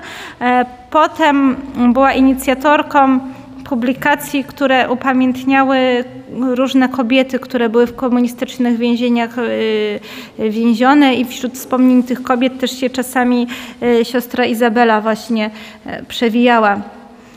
Ta wiadomość, dlaczego o niej wspominam, bo tutaj pokazuje ona, co by się stało, gdyby Pilecki nie został aresztowany, jaka by była tego jego taka no, ostatnia misja, to miałby mm, szukać informacji, jakichś dowodów na temat wywózek Polaków e, na wschód, wywózek na Sybir i innych. Tutaj mamy do, dokładnie i ten, te, ten szyfr przez e, funkcjonariuszy Urzędu Bezpieczeństwa to zostało rozszyfrowane, to jest w aktach. Więc oni dokładnie wiedzieli, jaka by była e, jego, jego kolejna misja. To jest też ciekawe, że mało kto o tym mówi, że w ogóle też w tym mm, filmie, który powstał, e, o tym się nie wspomina, a to jest taka rzecz, która po prostu no, jest ewidentna, jeśli my e, po prostu przyjrzymy się dokumentom. Więc w samych dokumentach, w tak samej tej historii są bardzo ciekawe rzeczy i, i nie rozumiem, dlaczego mm, w jakichś filmach zmyślać jakieś historie, które potem no niestety tak się nie trzymają logicznie kupy, jak, jak po prostu prawda o Witoldzie Pileckim. E, widzimy tutaj już Witolda Pileckiego podczas rozprawy sądowej. E, wiemy, że miał powyrywane wszystkie paznokcie, był brutalnie torturowany, był aresztowany na początku maja 1947 roku. Wyrok śmierci wykonano 25 maja 1948 roku, e, więc przez cały rok w ciasnej celi, tutaj chyba akurat Akurat nie mam na tym y, zdjęcia celi, w innej prezentacji mam, ale bardzo, bardzo ciasna cela, y, gdzie około 5-6 y, osób w niej było. Praktycznie spali na podłodze. Ja też dużo rzeczy, dopiero jak opracowywałam siostrę Izabelę, to sobie uświadomiłam dużo rzeczy, jeśli chodzi o ten stan w ogóle tych celi w więzieniu mokotowskim, jak to wszystko wyglądało. Ci więźniowie pawilonu 10 nie mieli możliwości, e, żeby wychodzić na spacery na przykład. E, brutalne śledztwo. I mamy tutaj dwie relacje. Jedna jest relacja e, człowieka, który przynosił więźniom jedzenie I on mu, potem po latach spotkał się z synem Witolda Pileckiego, z panem Andrzejem Pileckim i powiedział, że właśnie nosiłem michę pana ojcu i że postawa Witolda Pileckiego takie na nim e, zrobiła wrażenie, że ten człowiek się nawrócił, przestał krzywdzić innych ludzi. Mówił, że właśnie Witold Pilecki miał taki, jego zdaniem, kontakt z Bogiem, że nie rzucał się od razu łapczywie na jedzenie. A druga ciekawa relacja, E, to jest relacja agenta celnego o pseudonimie Gołąb. W każdej celi e, był jakiś agent, e, jeśli, jeśli bezpieka tak chciała, jeśli chciała się dowiedzieć czegoś, co, czego nie było na śledztwie, to był system taki, e, żeby e, dać kogoś podstawionego albo przekupić jakiegoś więźnia, który miał dopytywać, co tam było, czego nie chcesz powiedzieć, starać się zaprzyjaźnić i potem od niego starano się wyciągnąć te informacje. I otóż ten agent celny Gołąb po dwóch miesiącach, jak już Pilecki przebywał na Mokotowie, powiedział: Pilecki jest nastawiony optymistycznie. Mówi, że optymizm go nie opuścił nawet w najtrudniejszych chwilach e, w Oświęcimiu i że teraz też go nie opuści. To też jest takie, takie niesamowite, jak on e, w takich warunkach ten optymizm swój prawda, zachował, mimo że żonie podczas widzenia on powiedział, że Oświęcim przy tych warunkach, Oświęcim przy tym wszystkim to była igraszka. On, on sam to powiedział. E, też podczas widzenia powiedział żonie, żeby e, kupiła książkę o naśladowaniu Chrystusa, żeby sama ją czytała, żeby czytała ją dzieciom. Powiedział, że dzięki tej książce udało mu się przetrwać, udało mu się pozostać niezłomnym, więc tutaj widzimy takie jego ogromne rozmyślania, moim zdaniem, już tutaj też za chwilę e, pokażę ten fragment, w dużej mierze rozmyślania dotyczące też e, kwestii śmierci. Podobno tę, tą parafrazę takiego cytatu z naśladowania Chrystusa starałem się tak żyć, aby w godzinie śmierci mógł się raczej cieszyć niż lękać. Podobno on to napisał na ścianie swojej celi. Nie da się tego nijak dzisiaj zweryfikować, bo te ściany celi były tyle razy już e, później przemalowywane, gdy jeszcze tam później było inne więzienie, e, że nie sposób dzisiaj tego udowodnić, ale podobno tak było. I też w tej książce Duchowość i charakter Witolda Pileckiego ja umieszczam z IPN-u dokument, nie wiem, czy teraz ktoś w nowych wydaniach raportów to jeszcze umieszcza, ale to właściwie no, trzeba się też tym zainteresować albo wydawcom raportów powiedzieć, bo to powinien właściwie być, e, być też wstęp do raportów z Auschwitz po prostu. E, bo jest tutaj ma takie piękne cytaty na temat prawdy. On to napisał w 1946 roku, dlatego też ci, którzy brali raporty ze studium Polski Podziemnej tego nie mieli, bo to jest w innym miejscu. Tutaj trzeba grzebać w tych dokumentach e, w IPN-ie, gdzie też e, całe archiwum Pileckiego i też te dokumenty od Eleonory Ostrowskiej wpadły w ręce bezpieki ten wstęp, bo Witold Pilecki to nie jest tak, że on w 1945 roku skończył raporty. On miał na celu, żeby je cały czas jeszcze udoskonalać, e, cały czas jeszcze się chciał spotykać ze swoimi byłymi kolegami z Auschwitz, namawiał ich e, do tego, żeby e, pisać. Wiemy, bo też jest tutaj relacja z IPN-u, że na przykład się kilka razy co najmniej spotkał z Pietrzykowskim, jak już, jak już był w Polsce po wojnie i rozmawiał z ludźmi. Niektórzy się go pytali, że czemu on właściwie dalej drąży ten temat Auschwitz, że mógłby to właściwie już e, zostawić, czy chce się na tym może wybić, czy e, po co w ogóle o tym mówić. Jak jeden z tych kolegów mówił, że to, że się on tym tak zajmuje, to, że on daje swoje serce. Więc on tutaj dalej się do tego odnosi, a że swe serce daje, jak mi powiedział jeden z przyjaciół, gdybyż tak było, Gdybyż swe serce można było dać w ten sposób i dać je wszystkim ludziom, i gdyby z tego wynikła dla nich jakaś prawdziwa korzyść, serca bym nie żałował. Inaczej już na to patrzę. Niemało wysłuchałem spowiedzi mych przyjaciół przed ich śmiercią. E, tutaj po prostu chodzi o to, że on, czy powstanie warszawskie, czy Auschwitz, czy wcześniejsze jeszcze doświadczenia, często był tym, że widział śmierć swoich przyjaciół. Oni z nim chcieli przed śmiercią porozmawiać. I te sytuacje właśnie go wzbudzały do refleksji, to bardzo częste zderzanie się ze śmiercią swoich przyjaciół. W ogromnej większości, pomimo rozszalałej wokół bestii ludzkiej, co lepsze jednostki reagowały w sposób właśnie, zdawałoby się, nieoczekiwany. Żałowali, że w życiu swym zbyt mało dali z siebie ludziom serca, prawdy, osobom pojedynczym, grupkom mniejszym lub całym zespołom, dla tych lub innych względów czy hamulców, które jednak tam, w obliczu śmierci, wszystkie straciły na znaczeniu. Hamulce nagle wydały się zbyt małe, a żal, że to już się naprawić nie da, był zbyt wielki. I było to tak powszechne w ocenach życia, robionych przez rozmaitych ludzi, że wątpliwości mieć nie mogę co do trafności tych spostrzeżeń. Człowiek w ostatnich chwilach swego życia, jeśli się zechciał zwierzyć szczerze, przyznawał zawsze, że tylko to po nim zostało na ziemi wartością trwałą i pozytywną, co dać potrafił z siebie innym ludziom w tej lub też innej formie. A ilu takich było, co przed śmiercią dopiero stwierdzić zdolni byli, że przez swe całe życie, wciąż oszczędzając serca innym, nie dali nikomu właściwie nic i teraz odchodząc z ziemi, ze sobą zostawili pustkę, a serce, które się wkrótce już tylko w bryłę miało zmienić, w rzeczywistości nieczułą bryłą przez całe życie było.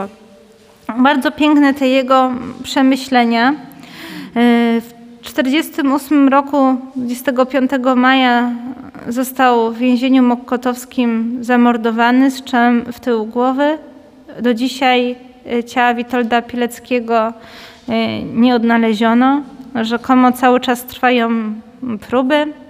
Na ten moment y, tutaj proszę mnie nie pytać, bo nie wiem, na początku, gdy jeszcze y, pisałam książkę, to jakiś tam y, czasami miałam, pytałam profesora e, Szwagrzyka, potem nie wiem, w jakiejś, z jakichś artykułów, które się co chwilę pojawiają, że być może ktoś nawet e, niektóre na etapie identyfikacji tutaj mm, przeszkadza, bo dużo tych prac, jeśli chodzi o wykopaliska, e, już zostało zrobionych. No, nie znam szczegółów, ale trochę, trochę to jest wszystko dziwne i trochę też razi takie zaniechanie, bo ile coś jeszcze było robione w Warszawie, no to w innych miejscach, czy też chociażby nawet u nas w Katowicach, też mamy pomordowanych przez komunistów, którzy na ekshumację i na swoje upamiętnienie czekają. I tutaj nic nie stoi na przeszkodzie, tak jak mamy tutaj y, przeszkody, jeśli chodzi o politykę y, polsko-ukraińską, y, żeby, żeby ekshumować Polaków pomordowanych na Wołyniu. A tutaj nic nie stoi na przeszkodzie i tak jest to kiepsko prowadzone mimo wszystko, mimo pewnych osób, które się starają, ale widzimy, że tutaj jakieś są siły, które cały czas, cały czas przeszkadzają. Jeśli jeszcze będą jakieś pytania dotyczące Witolda Pileckiego, bo tutaj rzeczywiście ten aspekt religijny poruszyłam, a wiele wątków jest innych dokoła. E, też chcę powiedzieć, że ta książka Duchowość i charakter Witolda Pileckiego e, poprzez jednego e, z czytelników, pana Witolda Cempla, trafiła do Watykanu, gdzie właśnie jeden z, z, z Polaków, z ojców karmelitów, którzy zajmują się sprawami beatyfikacyjnymi, powiedział, że on osobiście będzie wspierał, jeśli, jeśli będzie rozpoczęta beatyfikacja Pileckiego ale wszystko się musi rozpocząć na szczeblu diecezjalnym i tutaj e, w pierwszej kolejności e, musi się zawiązać jakaś grupa w Warszawie, która by dalej znowu o to postulowało i w tym momencie e, właśnie znam ludzi, którzy w tym celu e, tworzą Stowarzyszenie Przyjaciół Witolda Pileckiego w Warszawie.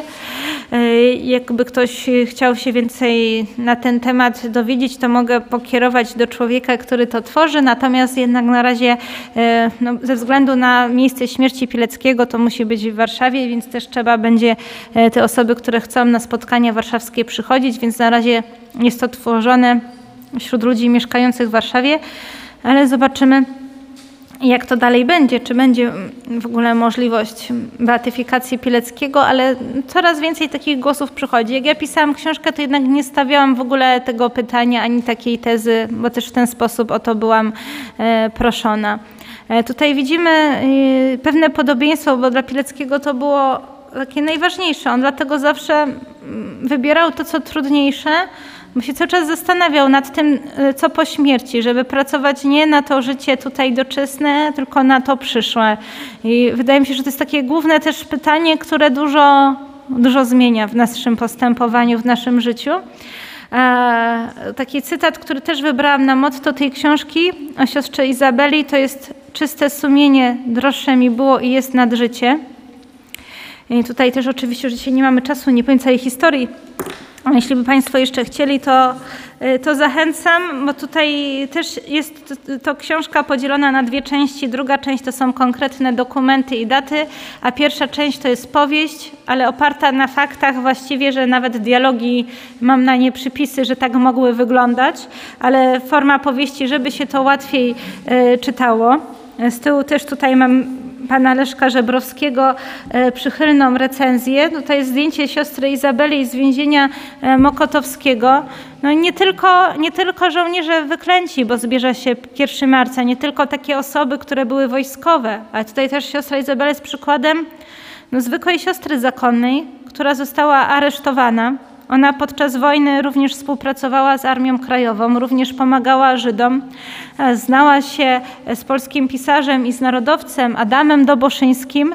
E, poniekąd została aresztowana, bo bezpieka aresztowała e, wszystkich, którzy jakoś tam znali Adama Doboszyńskiego. To był chyba jeszcze większy niż Witolda Pileckiego proces pokazowy i właściwie ta książka nie dość, że mówi o siostrze Izabeli, to też tutaj jest dużo nieznanych faktów, jeśli o Adama Doboszyńskiego chodzi.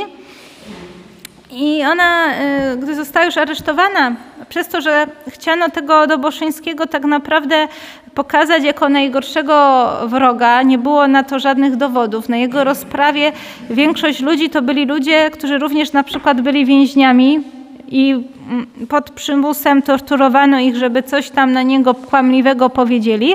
Tak i siostrze Izabeli podkazano podpisać, dokładnie Józef Różański-Goldberg, e, funkcjonariusz pochodzenia żydowskiego i tutaj też, e, żeby to tak opisać, to przestudiowałam historię jego rodziny, mamy, ojca, brata, więc tutaj jest też o nim bardzo dużo e, powiedziane. On jej kazał podpisać, on również torturował Witolda Pileckiego. Kazał jej podpisać taki protokół przesłuchań, że ona ma e, zeznać, że Adam Doboszyński rzekomo powiedział, że przyjechał e, do Polski, e, żeby szpiekować na rzecz Niemiec i Watykanu. Tam jeszcze byli właśnie tutaj jacyś właśnie ojcowie redemptoryści chyba mieć w to zaangażowani. Ona powiedziała, że nigdy takiego kłamstwa nie podpisze, a nawet jakby ją zmuszono, to zezna na rozprawie, że to nieprawda i dalej, żeby to podpisać. Mm, później właśnie zeznacz powiedziała, że czyste sumienie droższe mi było i jest nad życie. Za to, że nie chciała tego podpisać, tortury były straszliwe, między innymi e, przez 14 dni i nocy musiała stać na betonie y, w takim pomieszczeniu, że y, wyjęto szybę, tylko były kraty, była zima, ona w samej koszuli nocnej boso na betonie, nawet jak jadła to musiała na stojąco. Jeśli się jakoś poruszyła lub by chciała tam usiąść, to polewano ją jeszcze konewkami zimnej wody. Po 14 dniach i nocach utknęła się w szpitalu. I potem tutaj dalsza ciekawa historia, na przykład więzienie Forda, no, czy też więzienie e, w Inowrocławiu. E, to już jest początek lat 50., a to jest więzienie, które jest zwane polskim Oświęcimiem, bo jedzenie jak w Oświęcimiu, zakaz e, otrzymywania paczek żywnościowych i kobiety w izolatkach w celach pojedynczych, żeby po prostu zupełnie zniszczyć im psychikę. Więc to, co ona przyszła, ale przy tym wszystkim się nie złamała, jest rzeczywiście niesamowite no i tutaj ta moja książka, oprócz tego, że powstał krótki film dokumentalny TVP Historia, dobrze, że powstał, wszystkich wątków nie poruszył, dobrze, że powstał, ale nie był jakoś tak szerzej mm, promowany, w jakichś godzinach może po 22 był puszczany, ale też ta książka no to jest właściwie pierwsze takie książkowe upamiętnienie z dotarciem do rodziny, do zgromadzenia zakonnego, bo siostry ze zgromadzenia też książkę e, teraz rozpowszechniają, zaakceptowały ją. I całkowicie niezależnie, tylko y, dzięki, dzięki osobom, które wsparły tę książkę na, na zrzutce. Tak więc, tak więc jeszcze tutaj y, chciałabym Państwu, y, jeśli, jeśli macie ochotę, polecić. I też bardzo, bardzo serdecznie dziękuję. Dziękuję organizatorom. Możemy, możemy, tak, tak, tak. dziękuję bardzo.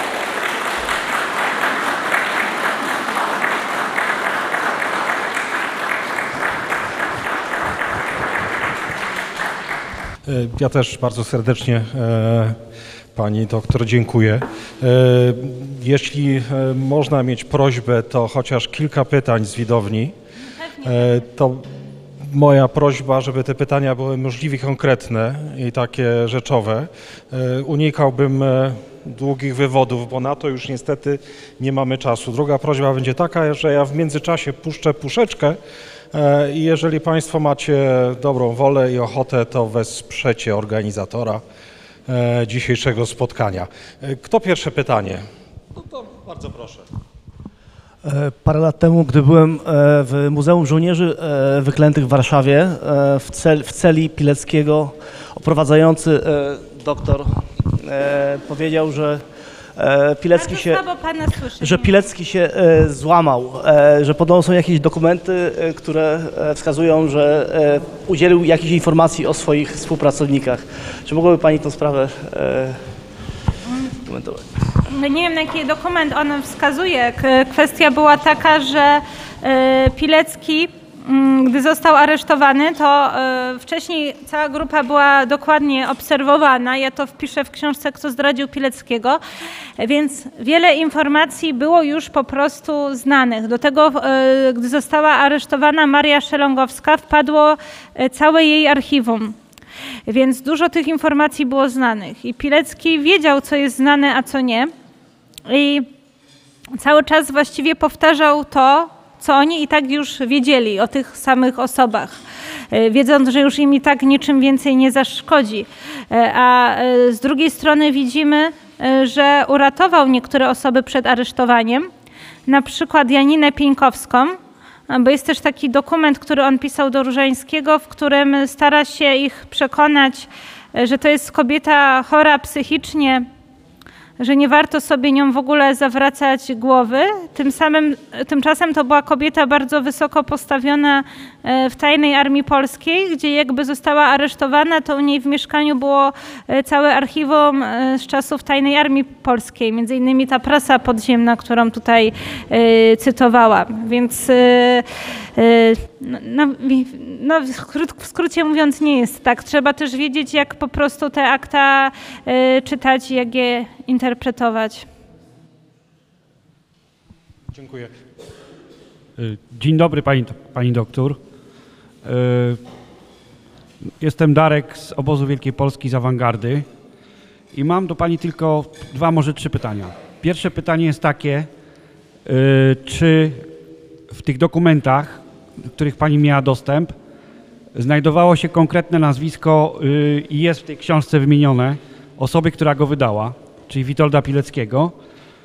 E, drugie pytanie jest takie, jaka była reakcja e, na wydanie tej książki, bo to zdaje się jest chyba wydanie drugie, uzupełnione, tak? No i to by było chyba tyle. Tak, ja w książce w książce, kto zdradził Pileckiego, ja kiedyś miałam taki wykład e, we Wrocławiu e, dokładnie dotyczący tej książki. I tutaj no, nie chciałabym robić całego wykładu, natomiast e, mamy dwie osoby, które ja dokładnie opisuję. Te osoby, które są w większości książek podawanych, to jest Wacław Alchimowicz i Leszek Kuchciński. I ja twierdzę i podaję argumenty, dlaczego to nie byli oni. E, Natomiast te osoby, o których rzeczywiście wiemy, to nie jest takie ewidentne, to jest dopiero w innych aktach i trzeba się trochę, e, trochę naszukać. No i tam się po prostu starałam dokładnie to pokazać. A mm, rzeczywiście jest tutaj taka pewna frakcja wokół głównie pana redaktora Tadeusza e, Purzańskiego, który chce swojego ojca, bo tutaj mm, dwie osoby, te same imię nazwisko, ojciec i syn Tadeusz Purzański, dzisiejszy redaktor i kurier e, Pileckiego, tak więc mm, no tutaj taka kwestia rodzinna, że syn, który dzisiaj jest publicystą, chce swojego ojca e, pokazać w jak najlepszym świetle. Ja go pokazuję, nie, nie, nie mówię konkretnie, że to on wydał Pileckiego, ale pokazuję go jako taką osobę dwuznaczną, zwłaszcza też już e, po wojnie, jego szybka kariera na uniwersytecie, czy też jeżdżenie nawet do, e, do Moskwy, do Instytutu Ateizmu. I tutaj bardzo dziwne, że z tych kręgów właśnie wychodzi e, wersja, e, która jest nieprawdziwa, czyli oczernianie e, tych dwóch postaci Leszka Kuchcińskiego i Wacława Archimowicza, którzy właściwie bardzo cenne dokumenty dla grupy Pileckiego przekazali. Wiem, że teraz chyba nawet ma wyjść jakiś film, który dalej ma tą wersję forsować. Stąd e, wśród rodzin, zwłaszcza tych rodzin, które były szkalowane e, przez te wcześniejsze publikacje, oni byli bardzo wdzięczni, że ta moja książka e, Kto zdradził Pileckiego powstała, też się na ten temat wypowiadali. Właśnie z jedną panią jeszcze może też zrobię wywiad. Natomiast no właśnie z, tych kręgów, które, które dalej forsują tamtą wersję, no to zwykle jest ta książka albo przemilczana, albo jest krytykowana, ale bez podania tytułu, bez podania nazwiska, no bo to może też by była dla niej jakaś promocja, jakby to było podane. E, Ale rzeczywiście temat jest taki, że nie chcę tutaj zaczynać, bo to rzeczywiście kiedyś mówiłam o tym godzinę, jeśli sobie Państwo chcą, to jest jeszcze gdzieś na YouTubie, bo to było pokasowane, ale chyba nawet jest u Leszka Żebrowskiego jeszcze i w różnych miejscach e, premiera książki Kto zdradził Witolda Pileckiego i tam na tej, podczas tej premiery, która jest w internecie, było to dokładnie wszystko opisane. I teraz też na swoim kanale znowu chcę wrócić do tego, i będę co jakiś czas takie filmy na ten temat umieszczać, więc tutaj więcej no niestety nie powiem, bo to każdy wątek, to żeby to dobrze wytłumaczyć, to jest, to jest, to jest tak na, na pół godziny co najmniej. Ktoś jeszcze byłby zainteresowany? Ja chciałem się spytać, pani wspomniała o ojcu na początku, tak jakby nie miał znaczenia, czyli że matka bardziej. A czy to, że ojciec był taki w cudzysłowie niezrównoważony, miał depresję, bo ojca albo się naśladuje, albo się przeciw, stara się być innym. Czy Pilecki właśnie widząc ojca takiego, nie pracował bardziej nad sobą, nad opanowaniem, nad niezłomnością? Czy to jednak nie był wpływ ojca taki z negatywnego na pozytywny? Czy gdzieś... Może, tak być, że widząc go, on e, działał właśnie, żeby sam taki nie był, ale on nigdy o tym nie powie. On nigdy, mm, e, jeśli gdzieś tam wspomina o ojcu w kilku listach, nigdy, nigdy nie, nie było ani jednej jego negatywnej wzmianki o ojcu. To, to wszystko tylko jest w tych wspomnieniach Marii, więc też tutaj widzimy no, taką jego też wielką e, dyskretność pod tym względem. Więc to, co pan mówi, mogło tak być, ale nigdzie nie mamy, żeby on to napisał w ten sposób. I o spotkaniu z młodzieżą. Czy mogła Pani powiedzieć właśnie, co to za spotkanie, jak młodzież przyjmuje to, jak reaguje teraz właśnie, jakie jest zainteresowanie? Pani wspomniała dzisiaj, że była na spotkaniu. z Wczoraj byłam, tak, z ósmymi klasami. E, akurat to wczorajsze spotkanie, zawsze, e, młodzież e, wydaje mi się, że, że jest zasłuchana, że jest ciekawa. Wczoraj akurat tak było, że się spotkanie skończyło i oni musieli za, od razu uciekać, więc nie było dużo czasu, e, żeby z nimi porozmawiać. Ale na pewno jest to postać, mam nadzieję, że potem młodzież wychodzi z tego z jakimiś przemyśleniami głębszymi. Taką mam, taką mam nadzieję po prostu. No, Dzień dobry, Leszek Musik. Ja mam takie dwa pytania. Pierwsze pytanie to jest, jaki przebiegał szlak y, bojowy y, Witolda Pieleckiego w wojnie obronnej w 1939 roku? I drugie takie pytanie moje jest, y, skąd takie zainteresowanie akurat tą taką zacną osobą u Pani? Szlak bojowy. Musiałabym tutaj, żeby się nie pomylić, to bym musiała, w domu mam chyba te dokumenty, bo on też w tych swoich wspomnieniach dokładnie opisuje, którędy szli i co się działo w tym 1939 roku.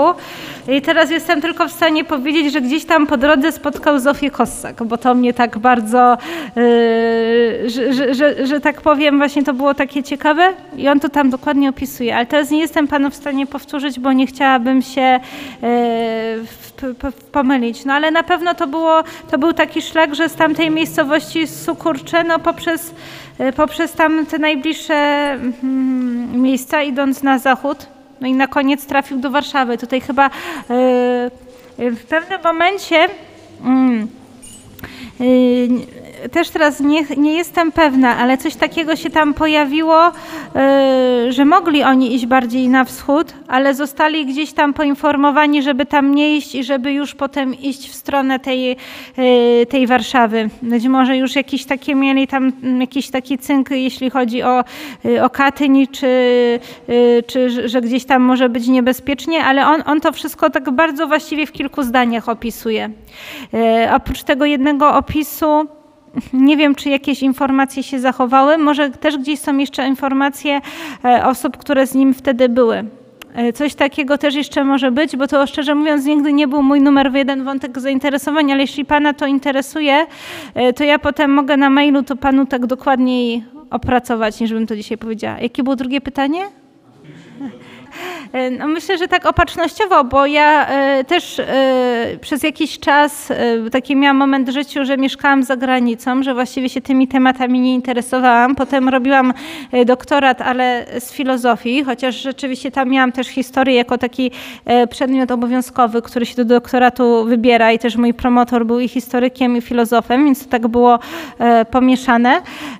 Natomiast gdy poznałam postać Witolda Pileckiego, Chciałam napisać jeden artykuł e, właśnie o jego religijności i to miał być jeden artykuł.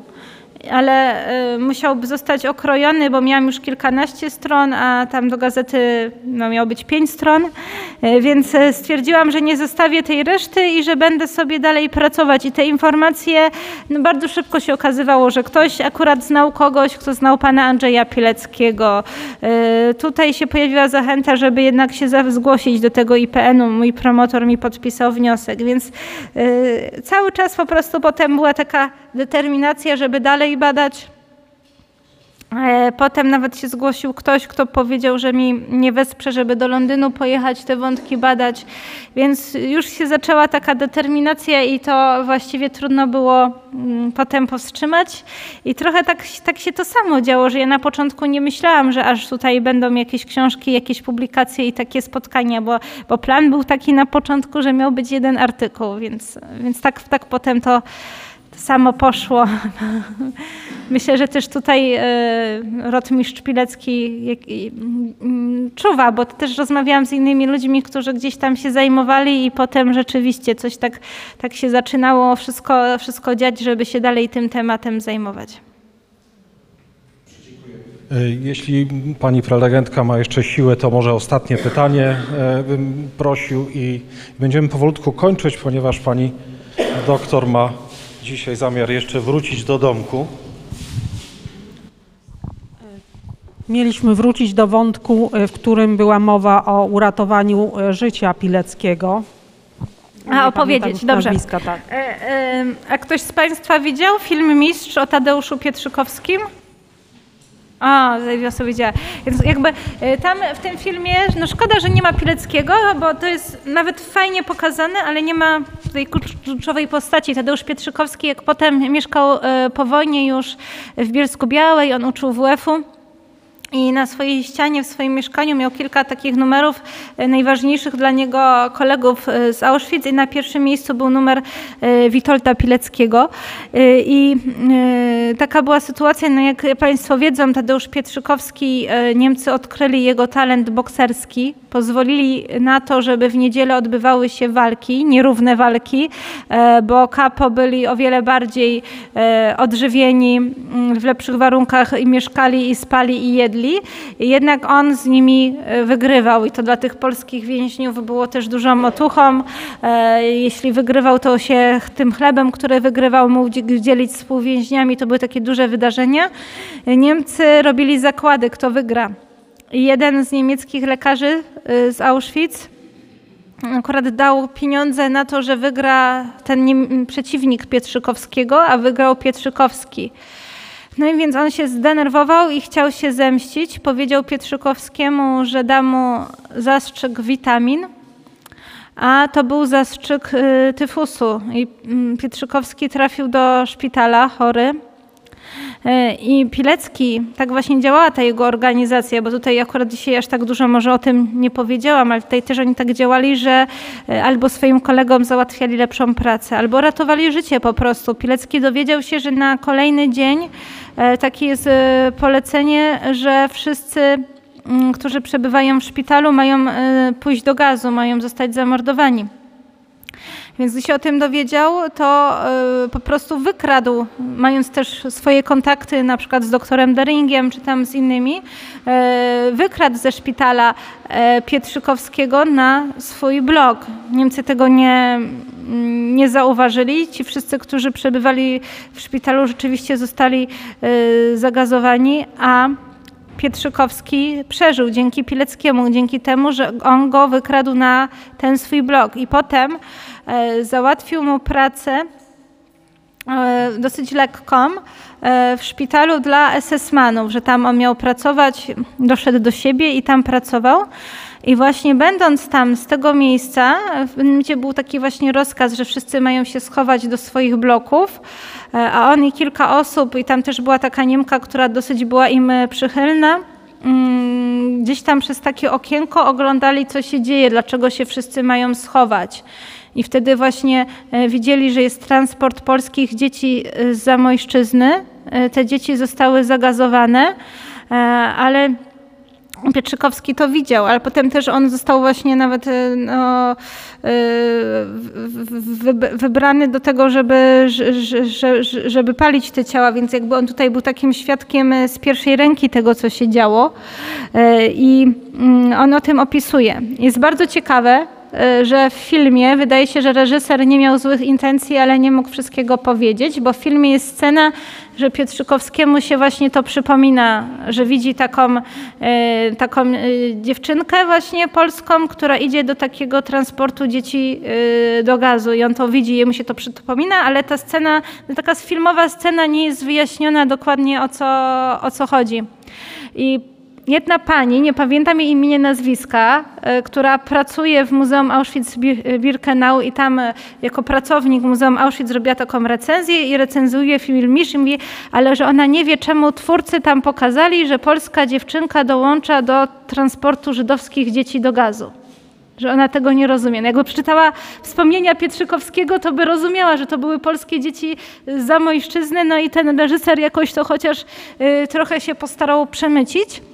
Więc mimo wszystko ten film o Pietrzykowskim nie uważam, że jest całkiem zły, że reżyserowi jak na tą e, polityczną sytuację, która e, jest teraz i te filmy wszystkie szkalują Polaków, to ten film Polaków nie szkaluje, pokazuje, że Polacy byli e, ofiarami, ale chyba by film nie przeszedł, nie wiem, jakby tam były jeszcze te wszystkie wątki i święty Maksymilian i, i rzeczywiście Pilecki, no to byłby no już świetny film, ale chyba już by to może i, i nie przeszło i tak mm, mało był ten film pokazywany, mało się o nim mówiło.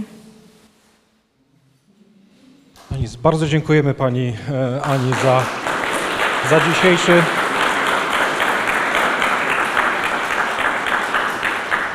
Za dzisiejszy bardzo ciekawy wykład. Państwu dziękuję za tak liczne przybycie. E, Miałbym do przekazania informację, iż 15 marca będziemy starać się zorganizować spotkanie z Witoldem Gadowskim, więc myślę, że e, warto sobie zarezerwować czas. Szczegóły będą dostępne na stronie e, Pobudki i, na, i w mediach społecznościowych. Dziękuję jeszcze raz pięknie i dziękujemy pięknie Pani doktor.